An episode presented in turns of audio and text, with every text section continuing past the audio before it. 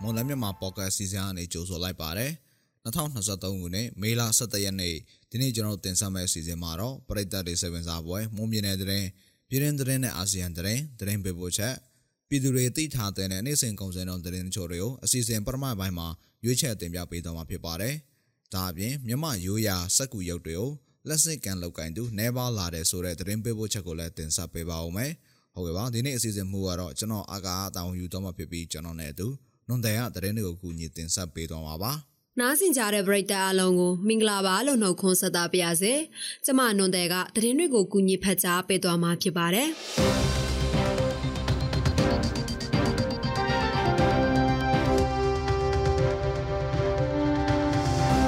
ပထမဦးဆုံးသတင်းဘောအနေနဲ့မုံတိုင်းအနေရဲ့ကြောင့်ငါးဖန်းလှေနဲ့လူစည်းလှေတွေပင်လယ်ပြင်ကိုလုံးဝမထွက်ကြဖို့တမ်ချက်မြို့နယ်အထွေထွေအုပ်ချုပ်ရေးဦးစီးဌာန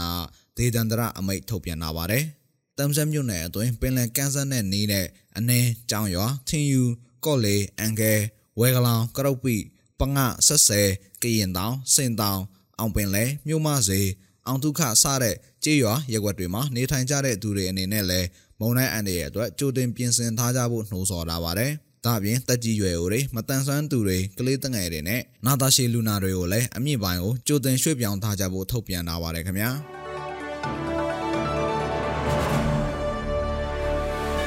နောက်ထပ်သတင်းတပုတ်အနေနဲ့ဘင်္ဂလားပင်လယ်အော်မှာဖြစ်ပေါ်နေတဲ့ဆိုင်ကလုန်းမုန်တိုင်းကိုအနည်းအောင်အစ်စ်သတ်မှတ်လိုက်ပြီးလူပေါင်း2တန်းကျော်ထိခိုက်နိုင်ကြောင်းကမ္ဘာတဘာဝဘေးတတိပေးချက်ထုတ်ပြန်ခြင်းနဲ့ပူပေါင်းဆောင်ရွက်မှုစနစ်အဖွဲ့ကဒီကနေ့ထုတ်ပြန်လာပါတယ်။ရခိုင်ပြည်နယ်ကြောက်ဖြူမြို့နယ်နဲ့ဘင်္ဂလားဒေ့ရှ်နိုင်ငံကော့ဘဇာဒေသကိုဝင်ရောက်ဖို့ဥတည်နေတဲ့အဲ့ဒီမုန်တိုင်းဟာတနအီကို103မိုင်ကျော်တိုက်ခိုက်နိုင်တယ်လို့ GTACS ကခန့်မှန်းထားပါတယ်။ မွန်တိုင်းဝင်ရောက်စဉ်ရခိုင်ပြည်နယ်ကလူဦးရေ9သိန်းကျော်မကွေးတိုင်းအတွင်းကလူဦးရေ2သိန်းနီးပါးနဲ့စကိုင်းတိုင်းကလူဦးရေ4သိန်းကျော်တို့ဟာအန်ဒီရရှိတဲ့လေပြင်းမုန်တိုင်းတိုက်ခိုက်မှုခံရနိုင်တဲ့အခြေအနေတွေရှိနေပါတယ်။ရခိုင်ပြည်နယ်စစ်တွေမြို့ချင်းပြည်နယ်ပလက်ဝမြို့တို့လည်းထိခိုက်မှုရှိနိုင်ပြီးစစ်တွေထီလင်းနဲ့ဂက်ကော်လေးရင်ဝင်းလည်းထိခိုက်နိုင်ပါတယ်။ အားအလွန်ကောင်းတဲ့မုန်တိုင်းဟာ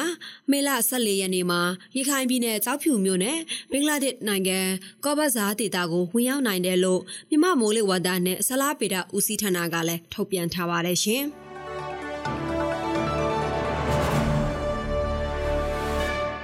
နောက်ထပ်သတင်းတစ်ပုဒ်အနေနဲ့ဘင်္ဂလားပင်လယ်အော်မှာဖြစ်ပေါ်နေတဲ့အဆိုင်ကလုံးမုန်တိုင်းကိုအနီရောင်အဆင့်သတ်မှတ်လိုက်ပြီးလူပေါင်း2တန်းကျော်ထိခိုက်နိုင်ကြောင်း ကမ္ဘာတဘာဝဘေးတတိပေးချက်တုတ်ပြန်ခြင်းနဲ့ပူးပေါင်းဆောင်ရွက်မှုစနစ်အဖွဲ့ကဒီနေ့ထုတ်ပြန်လာပါတယ်။ရခိုင်ပြည်နယ်ကြောက်ဖြူမြို့နယ်ဘင်္ဂလားဒေ့ရှ်နိုင်ငံကောဘဇာဒေသကိုဝင်ရောက်ဖို့ဥတည်နေတဲ့အဲ့ဒီမုန်တိုင်းဟာတနအီကို103မိုင်ကျော်တိုက်ခိုက်နိုင်တယ်လို့ GDACS ကခန့်မှန်းထားပါတယ်။မုန်တိုင်းဝင်ရောက်စဉ်ရခိုင်ပြည်နယ်ကလူဦးရေ9သိန်းကျော်မကွေးတိုင်းအတွင်းကလူဦးရေ2သိန်းနီးပါးနဲ့စကိုင်းတိုင်းကလူဦးရေ4သိန်းကျော်တို့ဟာအန္တရာယ်ရှိတဲ့လေပြင်းတိုက်ခတ်မှုခံနိုင်ရတဲ့အခြေအနေတွေရှိနေပါတယ်။ ရခိုင်ပြည်နယ်စစ်တွေမြို့ချင်းပြည်နယ်ပလောဝမြို့တို့လည်းထိခိုက်မှုရှိနိုင်ပြီးစစ်တွေထီလင်းနဲ့ဂန်းကော်လေရင်ကွင်းလည်းထိခိုက်နိုင်ပါတယ်။အားလုံးကောင်းတဲ့မုန်တိုင်းဟာမေလ14ရက်နေ့မှာရခိုင်ပြည်နယ်ကြောက်ဖြူမြို့နဲ့ဘင်္ဂလားဒေ့ရှ်နိုင်ငံကောဘဇာဒေတာကိုဝင်ရောက်နိုင်တယ်လို့မြန်မာမိုးလေဝသနဲ့စလားဗေဒဦးစီးဌာနကလည်းထုတ်ပြန်လာပါတယ်ခင်ဗျာ။ နောက်ထပ်သတင်းသဘောက်အနေနဲ့ချင်းပြည်နယ်ဟာခါမြို့နယ်မှာမေလ17ရက်နေ့မနက်ကဖွာပြီးကျေးရွာနဲ့ CTF စက်ထံဌာနချုပ်တပ်စခန်းကိုစစ်ကောင်စီဘက်ကလေကြောင်းတိုက်ခိုက်မှုထမှန်ပြုလုပ်ခဲ့တယ်လို့ CTF စက်ထံကနေသိရပါဗျ။ဟာခါမြို့နယ် ဖွာပြီးကျေးရွာနဲ့ CTF စက်ထံဌာနချုပ်ကိုဒီနေ့မေလ17ရက်နေ့မနက်10:00နာရီကျော်လောက်မှာစစ်ကောင်စီကလေကြောင်းကနေ Jet Fighter နဲ့ဘုံကျဲတိုက်ခိုက်မှုထမှန်ပြုလုပ်ခဲ့တယ်လို့ CTF စက်ထံရဲ့သတင်းနဲ့ပြန်ကြားရေးတာဝန်ခံက DVB ကိုပြောပါတယ်။အခုလက်ရှိအခြေအနေမှာတော့ဖုန်းလိုင်းတွေအကုန်လုံးဖျက်တောက်ခံထားရလို့ဆက်သွယ်ရေးပိုင်းတွေတော်တော်လေးခက်နေတဲ့အတွက်ကြက်စီဆုံရှုံတဲ့အခြေအနေတွေကိုအတိအကျမသိရသေးဘူးလို့ဆိုပါတယ်။ ဟာဂါမြို့နယ်မှာမေလ10ရက်နေ့ညနေပိုင်းကလည်းစစ်ကောင်စီက CTF ဇဲထန်ရဲ့ကောက်စီယုံကိုလေကြောင်းကနေဘုံကျဲတိုက်ခိုက်ခဲ့လို့ CTF ဇဲထန်ရဲ့လက်ထောက်အထွေထွေအသွင်ယူမှုနဲ့တက်ခွဲမှုကြဆုံခဲ့က CTF ရဲဘော်3ယောက်ထရရရှိခဲ့တယ်လို့ CTF ဇဲထန်ကနေသိရပါတယ်ရှင်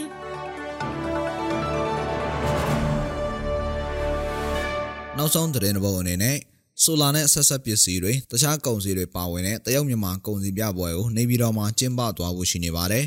နေပြီးတော့ချင်းချန်စီးပွားရေးကုန်စည်ပြပွဲလို့အမည်ပေးထားတဲ့ပွဲကိုနေပြီးတော့မှာ MCC 2မှာမေလ25ရက်နေ့ကနေ28ရက်အထိ လေးရက်ကြာကျင်းပသွားမယ်လို့ကုန်သည်များနဲ့စက်မှုလုပ်ငန်းရှင်များအသင်းချုပ်စီကနေသိရပါဗျ။အဲ့ဒီကုန်စည်ပြပွဲမှာဆိုလာပစ္စည်းတွေအပါအဝင်ကော်ဖီ၊လက်ပတ်ကြောင်မက်ကာဒီမီယာအသင်းစားစားတုပ်ကုန်လျှက်စစ်ပစ္စည်းမျိုးမျိုးမိဖို့ကြောင့်သုံးပစ္စည်းတွေနဲ့အခြားလူသုံးကုန်ပစ္စည်းတွေကိုပြသသွားမယ်လို့သိရပါဗျ။ကုန်စည်ပြကန်60လောက်ပါဝင်ပြီးအလားအလာရှိတယ်လို့ထင်ရတဲ့မြမကုန်စည်တွေကိုလည်းပြသသွားဖို့ရှိနေပါတယ်ခင်ဗျာ။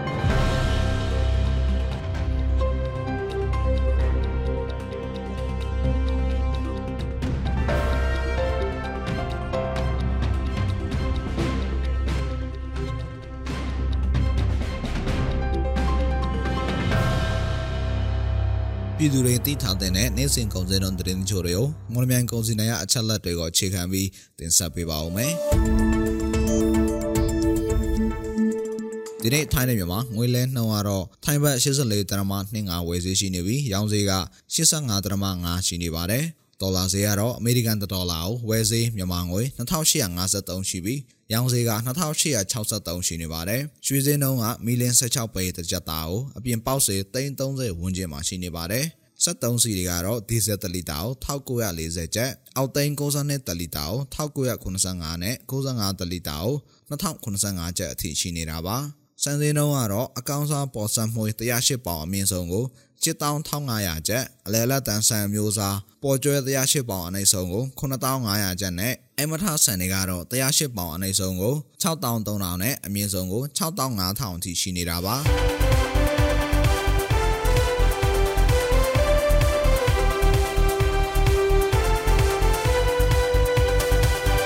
ခုတင်ဆက်ပေးသွားခဲ့တာကမေလ17ရက်နေ့မှာဖြစ်ပျက်ခဲ့တဲ့ မွန်ပြည်နယ်တရင်ပြည်တွင်းသတင်းနဲ့အာဆီယံသတင်းတွေအပြင်တနေ့တာစီစေးငွေစင်းနဲ့ကုန်စည်နှုန်းတွေကိုတင်ဆက်ပေးသွားခဲ့တာဖြစ်ပါတယ်။ဆက်လက်ပြီးတော့မြမရိုးရာစက်ကူရုပ်တွေကိုလက်စိတ်ကန်လောက်ကင်နိုင်သူနေပါလာတဲ့ဆိုတဲ့သတင်းပေးပို့ချက်ကိုနဒီယတင်ဆက်ပေးပါဦးမယ်။မွန်ပြည်နယ်အတွင်းထောက်လောက်ရောင်းချနေတဲ့စက်ကူရုပ်တွေဟာ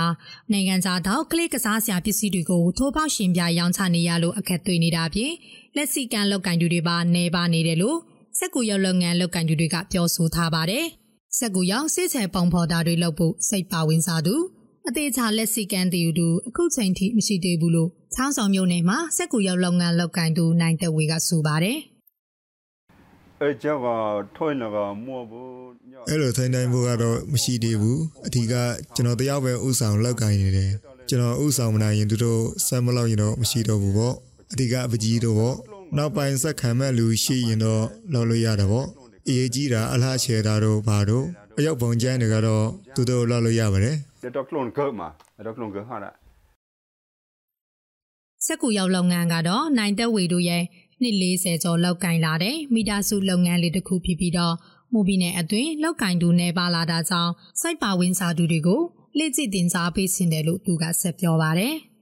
စက်ကူရောက်တွေကိုလောက်ကင်တူနေပါလာတာကြောင့်စီကွယ်အတွင်းအယောင်းဝယ်ကောင်းနေတော့လဲခင်မိတဲ့အယောက်ပုံစံတွေနဲ့တိုးမြင့်လောက်ဆောင်ဖို့လိုအပ်တယ်လို့နိုင်တဝေကဆိုပါတယ်။ Yeah အယောက်ပုံချမ်းကလည်းမနစ်တော့ကလွန်ကစစ်ဆက်ဒီထက်တိုးတက်ဖို့ဆိုရင်ပုံစံစံစံလေးရမဆိုရင်ကောင်းတယ်ပေါ့။ဒါတွေကပုံရိုးပဲဖြစ်နေတော့လက်ဟောင်းဖြစ်နေတယ်။အဲ့ဒါတော့ပုံစံအသစ်လေးတွေကိုရချင်တာဥပမာစင်ရောက်ပုံစံအသစ်မြင်းရောက်ပုံစံအသစ်နဲ့ပေါ့ ပုံစံအသစ်ဆေးရောင်ချေအသစ်နဲ့ဆိုပိုအစင်းမြင့်လာမယ်မော်ဒန်ညတ်ဘနော်အမော်ဂတောင်ကောပွဲလန်းတပင်တွေမရှိတဲ့မိုးသွင်းကာလမှာအယုတ်ပုံစံတွေကိုအများပြားစုဆောင်ပြုလုပ်ထားပြီးတော့ဖောက်တယ်တွေမာယူတဲ့အချိန်မှသာဆေးရောင်တောက်ကအစောတက်ပြုလုပ်လေးရှိကြပါတယ်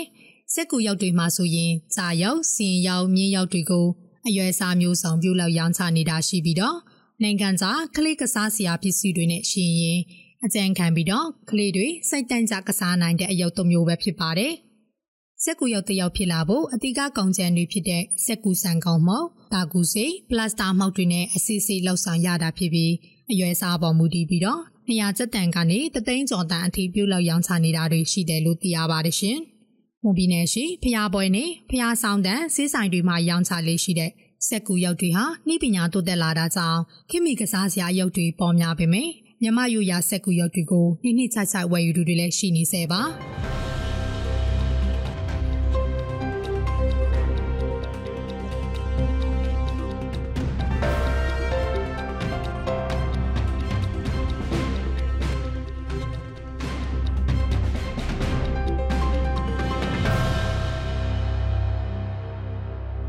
မတို့ရဲ့မွန်လန်းမြန်မာဖော့ကက်အစီအစဉ်ဒီမှာတင်ပြီးဆုံးပါပြီ။နားဆင်ကြတဲ့ပရိသတ်အားလုံးကိုနောက်နေ့အစီအစဉ်တွေမှာဆက်လက်အားပေးကြပါအောင်လို့ဖိတ်ခေါ်ရင်းဒီအစီအစဉ်ကိုဒီမှာပဲအဆုံးသတ်ပါရစေ။အားလုံးကိုကျေးဇူးတင်ပါတယ်ရှင်။